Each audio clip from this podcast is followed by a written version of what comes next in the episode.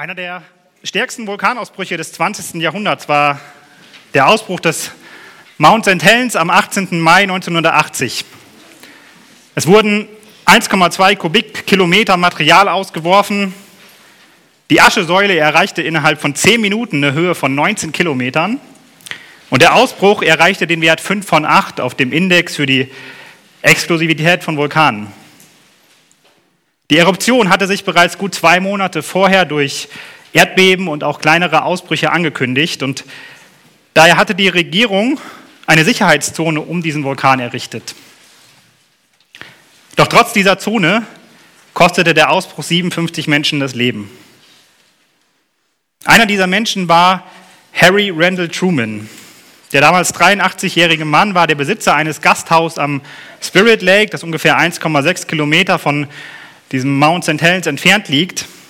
Während des Ersten Weltkriegs hatte er den Untergang seines Truppentransporters überlebt, nachdem es von einem deutschen U-Boot beschossen worden war. Und jetzt wollte er einfach nicht nur deshalb sein Gasthaus verlassen, weil irgendwelche Wissenschaftler meinten, er sei in Gefahr. Truman sagte, ich habe keine Ahnung, ob der Vulkan ausbrechen wird. An anderer Stelle wird er wie folgt zitiert, wenn der Berg verschwindet, verschwinde ich mit ihm. Diese Gegend ist dicht bewaldet. Spirit Lake liegt zwischen mir und dem Berg und der Berg ist eine Meile entfernt. Der Berg wird mir nicht wehtun. Am 18. Mai 1980 wurden Harry Randall Truman und sein Gasthaus unter 40 Metern Schlamm und Schmutz begraben. Seine Leiche wurde nie gefunden. Wir denken jetzt vielleicht, was ist das für ein dummer Sturkopf? Aber wenn wir mal ein bisschen weiterdenken, dann stellen wir sehr schnell fest, dass wir in einer Welt leben, die geprägt ist von solcher Torheit und von solcher Ignoranz. Wie viele versuchen wöchentlich beim Lotto das schnelle Geld zu machen, obwohl die Chance für einen Gewinn bei 1 zu 140 Millionen liegt? Oder wie viele tausend Menschen ignorieren täglich die gesundheitsschädlichen Auswirkungen von Tabakkonsum? Auch in der Bibel finden wir Viele Beispiele, wie töricht und trotzig wir Menschen sein können.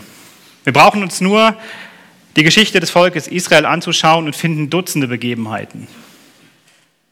Da uns diese Beispiele aber gegeben sind, um davon zu lernen und eben nicht die gleichen Fehler zu begehen, wollen wir uns heute anschauen, wodurch eine störrische Gesellschaft gekennzeichnet ist. Denn nur, wenn wir wissen, welche Fehler man überhaupt machen kann, können wir diese auch vermeiden. Bitte schlagt mit mir Jeremia 5 auf, wir wollen die Verse 20 bis 25 gemeinsam lesen, in denen wir insgesamt vier Kennzeichen einer halsstarrigen Gesellschaft finden. Jeremia 5, Vers 20. Verkündet das im Haus Jakob und lasst es hören in Juda. Hört doch dieses törichtes Volk ohne Verstand, die Augen haben und nicht sehen, die Ohren haben und nicht hören. Solltet ihr nicht mich fürchten, spricht der Herr, und vor mir nicht zittern? Der ich dem Meer den Sand als Grenze gesetzt habe, eine ewige Schranke, die es nicht überschreiten wird. Brannten auch seine Wogen, sie vermögen doch nichts, und ob die Wellen brausen, sie überschreiten sie nicht. Aber dieses Volk hat ein störrisches und widerspenstiges Herz. Sie sind abgewichen und weggegangen. Und sie haben nicht in ihrem Herzen gesagt, lasst uns doch den Herrn, unseren Gott, fürchten, der Regen gibt, sowohl Frühregen als auch Spätregen zu seiner Zeit, der die bestimmten Wochen der Ernte für uns einhält eure Missetaten haben diese Gaben abgewendet und eure Sünden haben das Gute von euch ferngehalten. Jeremia war einer der großen Propheten des Alten Testaments. Er diente im Südreich Israels von ca. 627 bis 570 vor Christus während der Zeit der letzten fünf Könige Judas. Er prophezeite und erlebte die Verschleppung Judas, blieb allerdings selbst in Juda zurück. Der geistliche Zustand Judas zur Zeit Jeremias war von öffentlicher Götzenverehrung gekennzeichnet. Und Jeremia wird auch der weinende Prophet genannt, da sein Leben und Dienst voll von Sorgen und Konflikten war. So wurde er beispielsweise wegen seiner Prophezeiung über die Eroberung Jerusalems als ein Verräter behandelt. Der Abschnitt, mit dem wir uns heute beschäftigen, ist Teil der zweiten Botschaft Jeremias an Juda die von Kapitel 3, Vers 6 bis Kapitel 6, Vers 30 geht. Er hat sie während der Zeit des Königs Josia gepredigt, also noch relativ zu Beginn seines Dienstes. Und innerhalb dieser zweiten Botschaft gehört unser Abschnitt in den vierten von insgesamt fünf Teilen, in dem Jeremia einige Gründe dafür nennt, warum Gott Juda richten wird. Einer dieser Gründe ist eben die Halsstarrigkeit des Volkes, die wir uns im Folgenden genauer anschauen wollen. In dem Vers 20 beginnt Jeremia mit, verkündet das im Haus Jakob und lasst es hören in Juda. Das Volk wird hier mit Haus Jakob angesprochen, obwohl Jakob ja eigentlich in 1. Mose 32 in Israel umbenannt wurde. Jakob bedeutet Fersenhalter oder auch Betrüger, Israel hingegen, er beharrt auf Gott. Und wenn das Volk hier mit Jakob statt mit Israel angesprochen wird, dann vermutlich deswegen, weil sie den höheren Charakter, den der Name Israel in sich schließt, nicht bewahrt haben, sodass sie, es, sodass sie wieder mit dem natürlichen Namen ihres Vorfahren Jakob angeredet werden müssen. Das Volk hatte es nicht mehr verdient, mit er beharrt auf Gott, beziehungsweise es beharrt auf Gott angesprochen zu werden, sondern es wurde wieder mit Betrüger, mit Fersenhalter angesprochen. Und warum? Darüber geben uns die folgenden Verse Aufschluss. In Vers 21 beginnt dann die Botschaft, in der wir diese vier Kennzeichen einer halsstarrigen Gesellschaft finden. Gott sagt durch Jeremia, hört doch dieses, törichtes Volk ohne Verstand, die Augen haben und nicht sehen, die Ohren haben und nicht hören. Gott bezeichnet das Volk als töricht und ohne Verstand.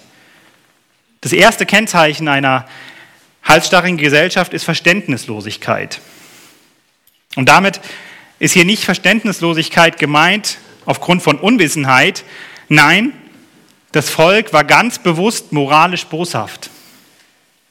Sie waren unnachgiebig und unbelehrbar. Sie wollten sich nicht sagen lassen. Gott hat ihnen Augen und Ohren geschenkt, aber das Volk setzte beides nicht ein. Sie sahen zwar Dinge wie beispielsweise die Schöpfung Gottes, aber sie machten sich keine Gedanken darüber. Sie hörten Worte wie die Botschaften der Propheten, aber es ging sprichwörtlich in das eine Ohr rein und aus dem anderen wieder raus. Sie zogen keinerlei Schlussfolgerungen aus dem Gesehenen oder Gehörten. Nach Jakobus 1, Vers 22 waren sie Menschen, die sich selbst betrogen, weil sie nur Hörer des Wortes und keine Täter waren. Jeremia hat das Volk 40 Jahre lang zur Buße aufgerufen, aber es wollte einfach nicht hören. Und wie viele Propheten gab es bereits vor Jeremia? Das Südreich, zu dem er ja hier predigt, hatte sogar das Nordreich als ein warnendes Beispiel. Das war bereits über 100 Jahre früher in die Gefangenschaft geführt worden. Aber alle diese Dinge halfen nichts. Das Volk wollte einfach nicht hören. In Jesaja 30, in den Versen 9 bis 11, kann man diese gewollte Verständnislosigkeit des Volkes sehr gut sehen. Da schreibt Jesaja, denn ein widerspenstiges Volk ist es, verlogene Söhne, Söhne, die das Gesetz des Herrn nicht hören wollen, die zu den Sehern sagen, seht nicht, und zu den Schauenden, schaut uns nicht das Richtige, sagt uns Schmeicheleien, schaut uns Täuschungen, weicht ab vom Weg, biegt ab vom Pfad, lasst uns in Ruhe mit dem Heiligen Israels. Also wenn das nicht gewollt ist, dann weiß ich nicht. Das Volk war definitiv gewollt verständnislos. So wie auch Harry Randall Truman gewollt verständnislos war.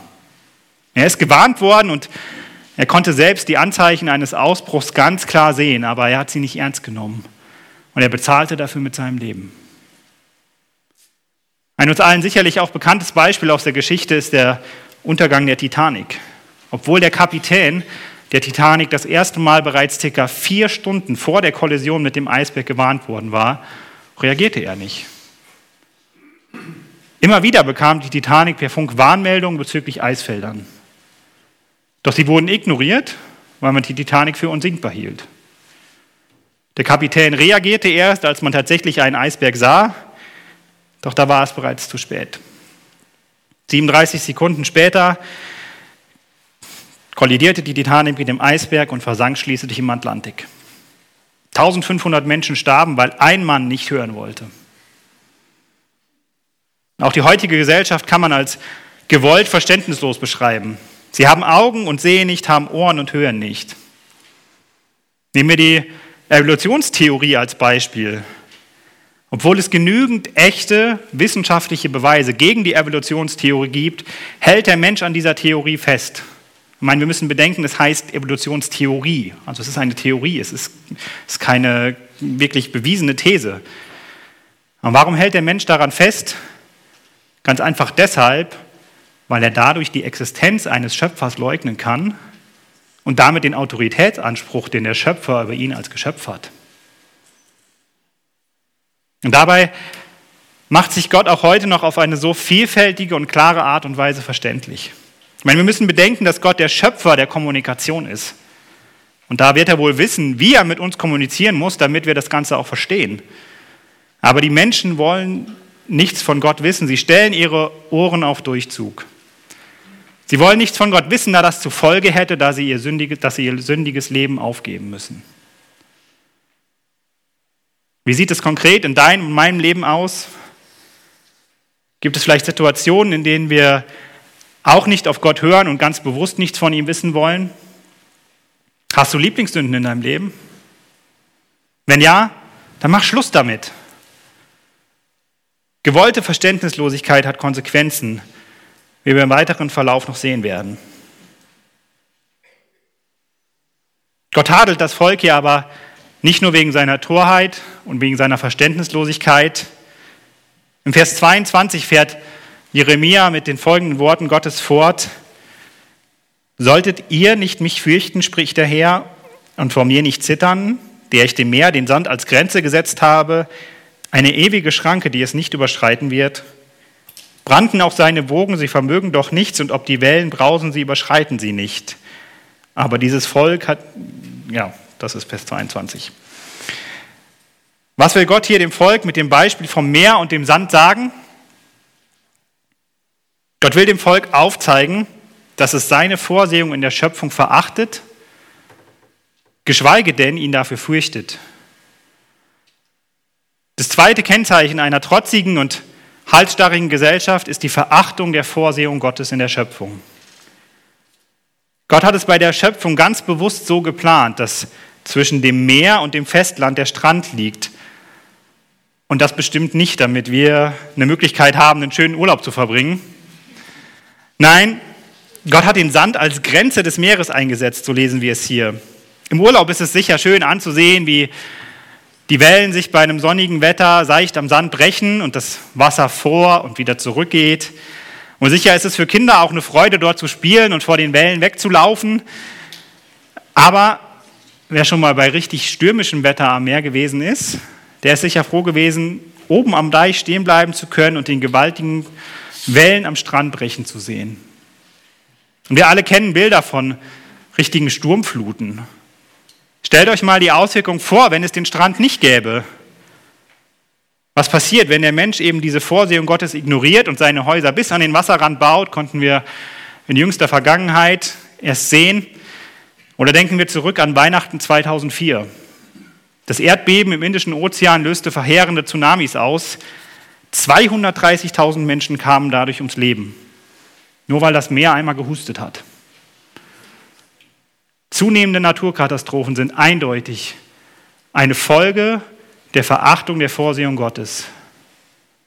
Der Mensch ist gegenüber der Natur so machtlos, aber Gott nicht. Er ist der Schöpfer. Und wenn er zu einem Sturm sagt, schweig, werde still, wie Jesus es in Markus 4, Vers 39 tut, dann legt sich der Sturm.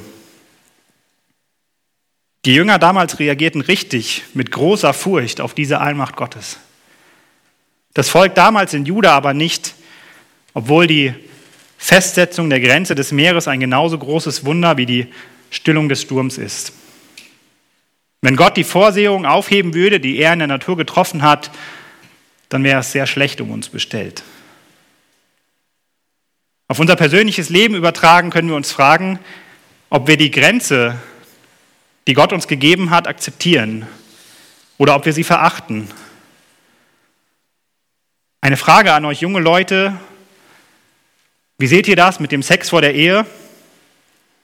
Ist es für euch nur eine veraltete Tradition? Nein! Gott hat sich was dabei gedacht. Oder eine Frage an diejenigen von euch, die eine Steuererklärung ausfüllen. Bist du 100% ehrlich in den Dingen, die du dort angibst? Oder korrigierst du die eine oder andere Zahl ein bisschen, um mehr wiederzubekommen? Der Staat bekommt doch eh schon genug von unserem Geld. Nein, Gott hat auch da eine Grenze gesetzt. Die Autofahrer unter uns können sich fragen, wie es mit der Einhaltung der Straßenverkehrsordnung aussieht. Ihr mögt jetzt einwenden, dass die Regeln ja der Staat vorgibt, aber denkt daran, dass jede Regierung von Gott eingesetzt ist und wir uns ihr unterordnen sollen. Ich selbst musste erfahren, wie ein das schlechte Gewissen plagt, wenn man die Regeln nicht einhält. Vor einigen Jahren habe ich beim Ausparken vermutlich leicht das vor mir parkende Auto touchiert, da ich erst kurz vorher einen ähnlichen Schaden hatte, der mich 500 Euro gekostet hat und diesmal der Vordermann extrem nah an meinem Auto geparkt hatte, bin ich einfach weggefahren. Ich habe gedacht, dass er selber schuld ist, wenn er so nah dran parkt. Aber mein Gewissen hat mir die Situation wieder und wieder in Erinnerung gerufen. Nach einem Gespräch mit Dieter bin ich schließlich zur Polizei gegangen und habe mich selbst angezeigt. Ab dem Zeitpunkt hat mein Gewissen Ruhe gegeben. Die Polizei hat erfolglos versucht, den Halter des anderen Fahrzeugs zu ermitteln und da auch keine Anzeige für den von mir genannten Zeitpunkt vorlag, wurde das Verfahren schließlich eingestellt. Aber auch wenn es sich hier um, nur um eine Bagatelle gehandelt hat, Gott hat uns Spielregeln gegeben, an die wir uns halten müssen. Lasst uns neu unser Leben prüfen, wo wir die von Gott festgesetzten Grenzen missachten. Gottes Tadel an das Volk geht aber noch weiter. In Vers 23 und 24 sagt er, aber dieses Volk hat ein störrisches und widerspenstiges Herz. Sie sind abgewichen und weggegangen und sie haben nicht in ihrem Herzen gesagt, lass uns doch den Herrn, unseren Gott fürchten, der Regen gibt, sowohl Frühregen als auch Spätregen zu seiner Zeit, der die bestimmten Wochen der Ernte für uns einhält. Das Volk hier in Juda war nicht nur verständnislos und verachtete die Vorsehung Gottes in der Schöpfung, nein, es war schlichtweg auch undankbar. Sie verkannten, dass Gott es war, der sie mit Nahrung versorgte. Das dritte Kennzeichen einer halsstarrigen Gesellschaft ist Undankbarkeit. Gott tadelt das Volk für sein störrisches und widerspenstiges Herz. Störrisch wird in anderen Übersetzungen auch als trotzig wiedergegeben. Das Volk wollte einfach nichts von Gott wissen. Sie rebellierten, rebellierten regelrecht gegen ihn. Und das obwohl er ihnen seine Gnade und Liebe immer wieder unter Beweis stellte. Einer dieser Beweise ist eben der Kreislauf der Natur, der von Gott aufrechterhalten wird. Er ist derjenige, der den Regen und Sonnenschein und damit auch das Wachstum von Pflanzen und deren Früchten schenkt. Der Frühregen, der hier erwähnt wird, fällt in Israel im Oktober und November und macht den Boden weich, sodass es überhaupt erst möglich ist, Dinge anzupflanzen. Der Spätregen fällt ja im März und April unmittelbar vor der Frühjahrsernte. Er ist wichtig, damit die Früchte der Pflanzen zur vollen Reife kommen. Ohne den Frühregen hätte das Volk damals nichts pflanzen können und ohne den Spätregen wäre die Ernte mickrig ausgefallen. Dass Gott die Macht hat, den Regen auch zurückzuhalten, hätte das Volk aus der Zeit des Propheten Elia wissen sollen. Elia hatte im Auftrag Gottes zum König Ahab gesagt, so wahr der Herr lebt, der Gott Israels, vor dessen Angesicht ich stehe, es soll in diesen Jahren weder Tau noch Regen fallen, es sei denn, dass ich es sage. Und so kam es. Es regnete drei Jahre lang nicht in Israel, was zu einer großen Hungersnot führte. Als Elia dann wieder zu Ahab geht, begegnet Ahab ihm mit den Worten, bist du da, der Israel ins Unglück bringt? Worauf Elia ihm nur entgegnet, nicht ich bringe Israel ins Unglück, sondern du und das Haus deines Vaters weil ihr die Gebote des Herrn verlassen habt und den Balen nachgefolgt bist. Die mangelnde Gottesfurcht Ahabs und die seiner Frau Isabel führten dazu, dass Gott seine Gnade entzog und der Kreislauf der Natur unterbrochen wurde. Erst nachdem Gott auf dem Berg Karmel seine Überlegenheit dem Baal gegenüber unter Beweis gestellt hat und das Volk wieder Gott die Ehre gab, ließ Gott es auf die Bitte Elias hin wieder regnen. Wie sieht es mit der Dankbarkeit in unserer heutigen Gesellschaft aus? Leider nicht viel besser und vermutlich ist es sogar eher noch um einiges schlimmer als damals. Denn durch die Industrialisierung sind wir heute längst nicht mehr so abhängig von der Natur wie die Menschen damals. Wir gehen einfach in den Supermarkt und kaufen uns die aus allerwelts Ländern importierten Lebensmittel und wir regen uns darüber auf, wenn es im Sommer dann mal regnet. Dass der Regen für manche Menschen aber im wahrsten Sinne des Wortes existenziell wichtig ist, das kommt einem nicht in den Sinn. Oder auf den Gedanken, Gott dankbar dafür zu sein, dass man eine Arbeitsstelle hat und Geld verdienen darf, kommen auch nur wenige. Manche Leute haben aus Angst, ihren Job zu verlieren, mehr Respekt vor ihrem Chef als vor Gott. Oder denken wir mal an Erntedank. Wer kann damit heute noch etwas anfangen?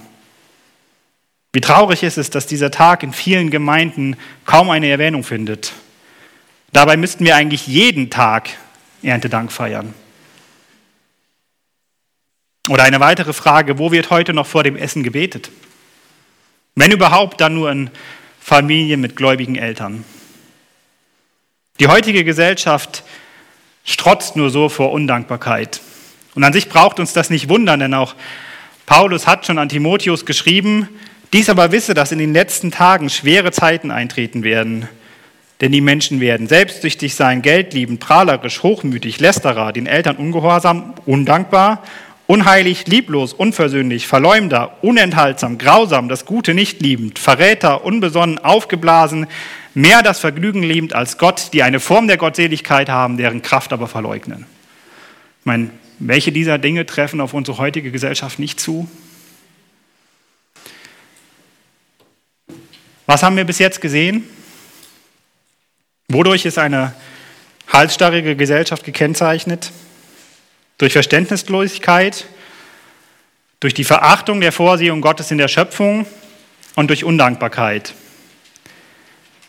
Wozu das Ganze führt, macht Gott dann in dem Vers 25 deutlich, wo er durch Jeremia sagen lässt, eure Missetaten haben dies abgewendet und eure Sünden haben das Gute von euch ferngehalten. Oder wie die Mengeübersetzung es ausdrückt, eure Verschuldungen haben das unmöglich gemacht und eure Sünden euch um den Segen gebracht. Das Volk hat sich selber um den Segen Gottes gebracht. Eine halsstarrige Gesellschaft ist viertens und letztens dadurch gekennzeichnet, dass sie den Segen Gottes verhindert. Gott macht hier sehr deutlich, dass seine Geduld mit dem Volk am Ende ist und er seinen Segen entziehen wird, wenn das Volk nicht Buße tut. Zu dem Zeitpunkt, als Jeremia diese Worte Gottes verkündigte, hätte das Volk noch umkehren können, denn in Kapitel 7, also zwei Kapitel weiter, lesen wir folgende Worte Gottes. Das Wort, das vom Herrn zu Jeremia geschah, stell dich in das Tor des Hauses des Herrn und rufe dort diese Worte aus und sprich, hört das Wort des Herrn, ganz Juda, die ihr durch diese Tore kommt, um den Herrn anzubeten. So spricht der Herr der Herrscher, der Gott Israels, Macht gut eure Wege und eure Taten, dann will ich euch an diesem Ort wohnen lassen. Und verlasst euch nicht auf Lügenworte, wenn sie sagen, der Tempel des Herrn, der Tempel des Herrn, der Tempel des Herrn ist dies.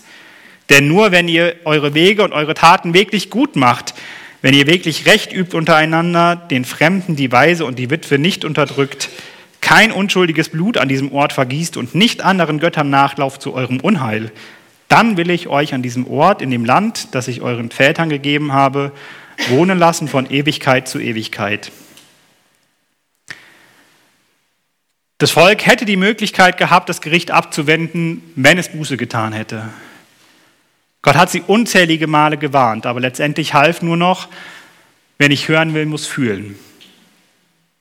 Das Volk wusste ganz genau, welche Konsequenzen ihr Ungehorsam haben wird.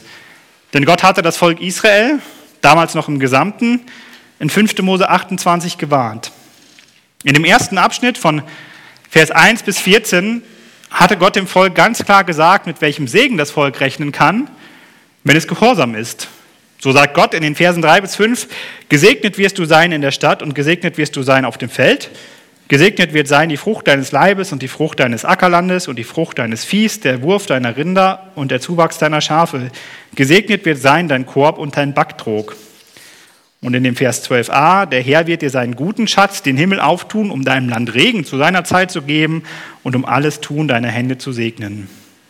Das Volk wusste, welchen Segen es für Gehorsam bekommen darf, aber genauso hatte Gott dem Volk auch gesagt, welche Konsequenzen Ungehorsam haben wird.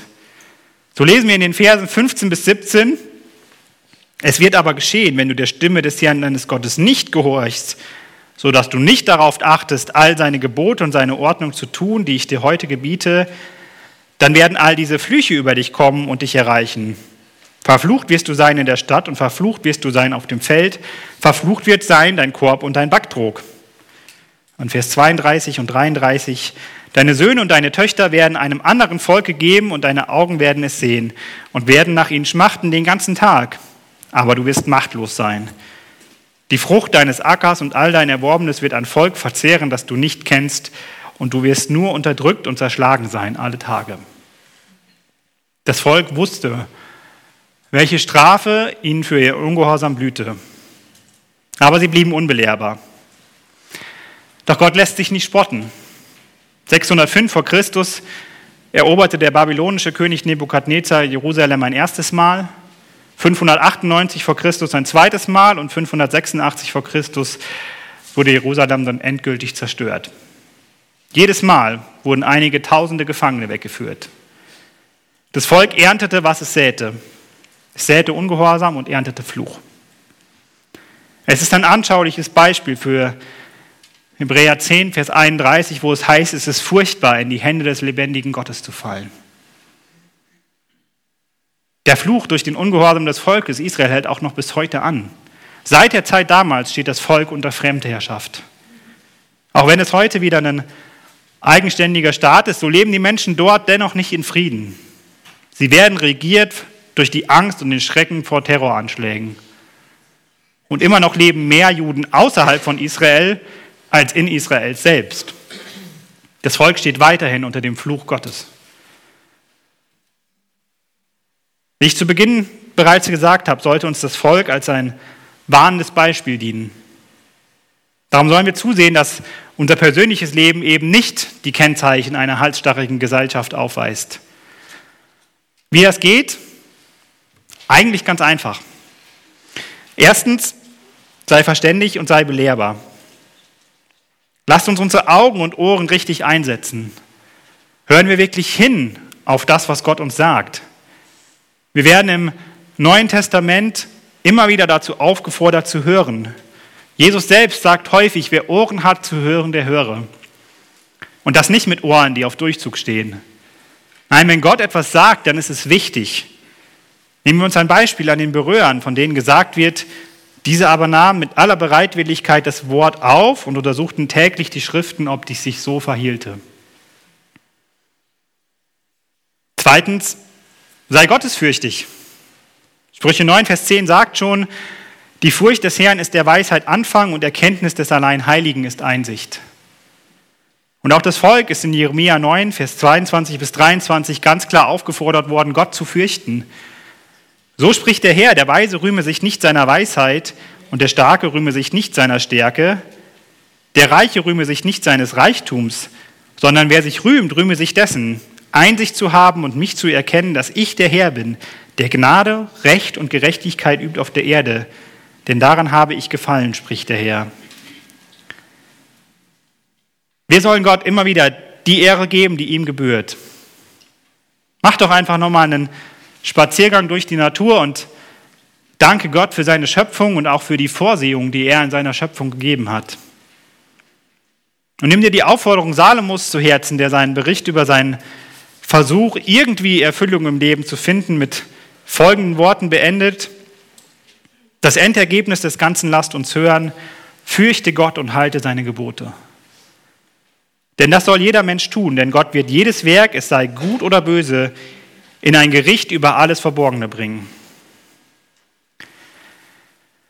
Ich möchte an dieser Stelle eine Warnung an diejenigen aussprechen, die ihr Leben mit Gott noch nicht in Ordnung gebracht haben. Der Vers sagt ganz klar, dass es einmal ein Gericht geben wird. Gott wird richten, aber wir werden sicher nicht durch unsere guten Werke gerettet. Das bringt die Bibel an anderen Stellen ganz klar zum Ausdruck. Wenn du dein Leben mit Gott noch nicht in Ordnung gebracht hast, dann tu Buße. Setz dein Vertrauen auf das stellvertretende Opfer, das Jesus Christus am Kreuz auf Golgatha vollbracht hat. Kehre um und dann sei gottesfürchtig, fürchte Gott und halte seine Gebote. Was ist die dritte Anwendung? Das Gegenteil von Undankbarkeit. Sei dankbar. Wann hast du Gott das letzte Mal dafür gedankt, dass er dich versorgt? Wann hast du ihm das letzte Mal für deine Arbeitsstelle gedankt oder auch den Ausbildungs- oder Studienplatz oder auch das Arbeitslosengeld? Die Bibel fordert uns ständig dazu auf, dankbar zu sein. Epheser 5, Vers 20 sagt, alle Zeit für alles dem Gott und Vater Dank im Namen unseres Herrn Jesus Christus. Kolosser 3, Vers 17, und alles, was ihr tut, im Wort oder im Werk, alles tut im Namen des Herrn Jesus und sagt Gott dem Vater Dank durch ihn. 1. Thessalonicher 5, 18, sagt in allem Dank, denn dies ist der Wille Gottes in Christus Jesus für euch. Ich glaube, ich brauche nicht noch mehr Stellen anführen. Und bedenkt auch mal, was, für, was wir als, als sündige Menschen eigentlich verdient hätten. Wir hätten die Hölle verdient. Ewige Verdammnis. Und Gott schenkt uns in seiner Gnade in den Segen der Errettung, so wie wir es gesungen haben. Halleluja, deine Gnade überströmt mein Leben, meine Schuld ist ausgelöscht. Das allein ist schon so viel Grund, Gott dankbar zu sein. Und trotzdem sind wir ständig am Meckern. Lass uns aufhören damit, lass uns dankbar sein. Und viertens und letztens, sei still und beobachte den Segen Gottes. Ja, auch wir werden heute noch für unseren Gehorsam von Gott gesegnet. Sicher nicht immer mit materiellen Dingen, aber sei dir gewiss, dass Gott denen, die ihn lieben, alle Dinge zum Besten dienen lässt.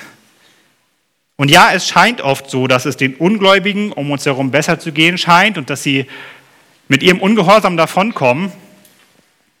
Aber tröste dich mit Prediger 8, wo Salomo schreibt, weil der Urteilsspruch über die böse Tat nicht schnell vollzogen wird. Darum ist das Herz der Menschenkinder davon erfüllt, Böses zu tun, denn ein Sünder tut hundertmal Böses und verlängert doch seine Tage.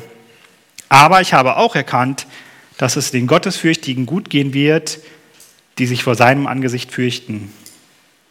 Das Gericht Gottes kommt, garantiert.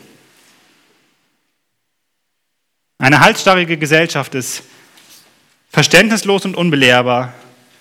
Sie verachtet die Vorsehung Gottes in der Schöpfung.